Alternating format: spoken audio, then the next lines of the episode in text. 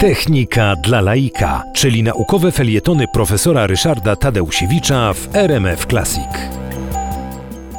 Po dwóch lotach suborbitalnych Amerykanów y, Rosjanie postanowili no, pokazać coś rzeczywiście y, niezwykłego y, i kolejny, drugi rosyjski astronauta, właściwie oni swoich nazywali kosmonautami, Herman Titow, na statku Wastok 2 miał przebywać i przebywał w kosmosie przez całą dobę. Miał 17 okrążeń Ziemi na tej orbicie, no i miał ręcznie sterować tym swoim statkiem kosmicznym, filmować Ziemię, no wszystkie różnego rodzaju doświadczenia, które no, później wszyscy robili już bez większego trudu.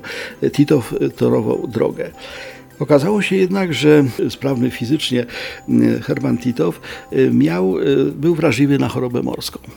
I lot kosmiczny w warunkach nieważkości powodował u niego nasilenie tej choroby morskiej, oczywiście nudności, oczywiście y, różne kłopoty ze spaniem, ból głowy i tak dalej.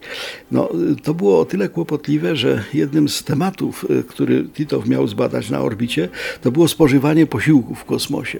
No, ale jak tu spożywać posiłki, jak człowieka cały cały czas mli.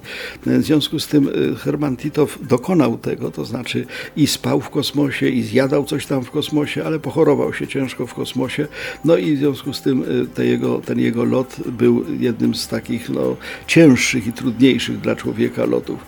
Natomiast y, Rosjanie celowo odkodowali transmisję rozmów pomiędzy Titowem a Ziemią i wobec tego mogły być one odbierane nawet przez osoby cywilne. Więc po raz pierwszy radioamatorzy na całym świecie świecie, mogli usłyszeć człowieka mówiącego z kosmosu i to była e, duża ciekawostka.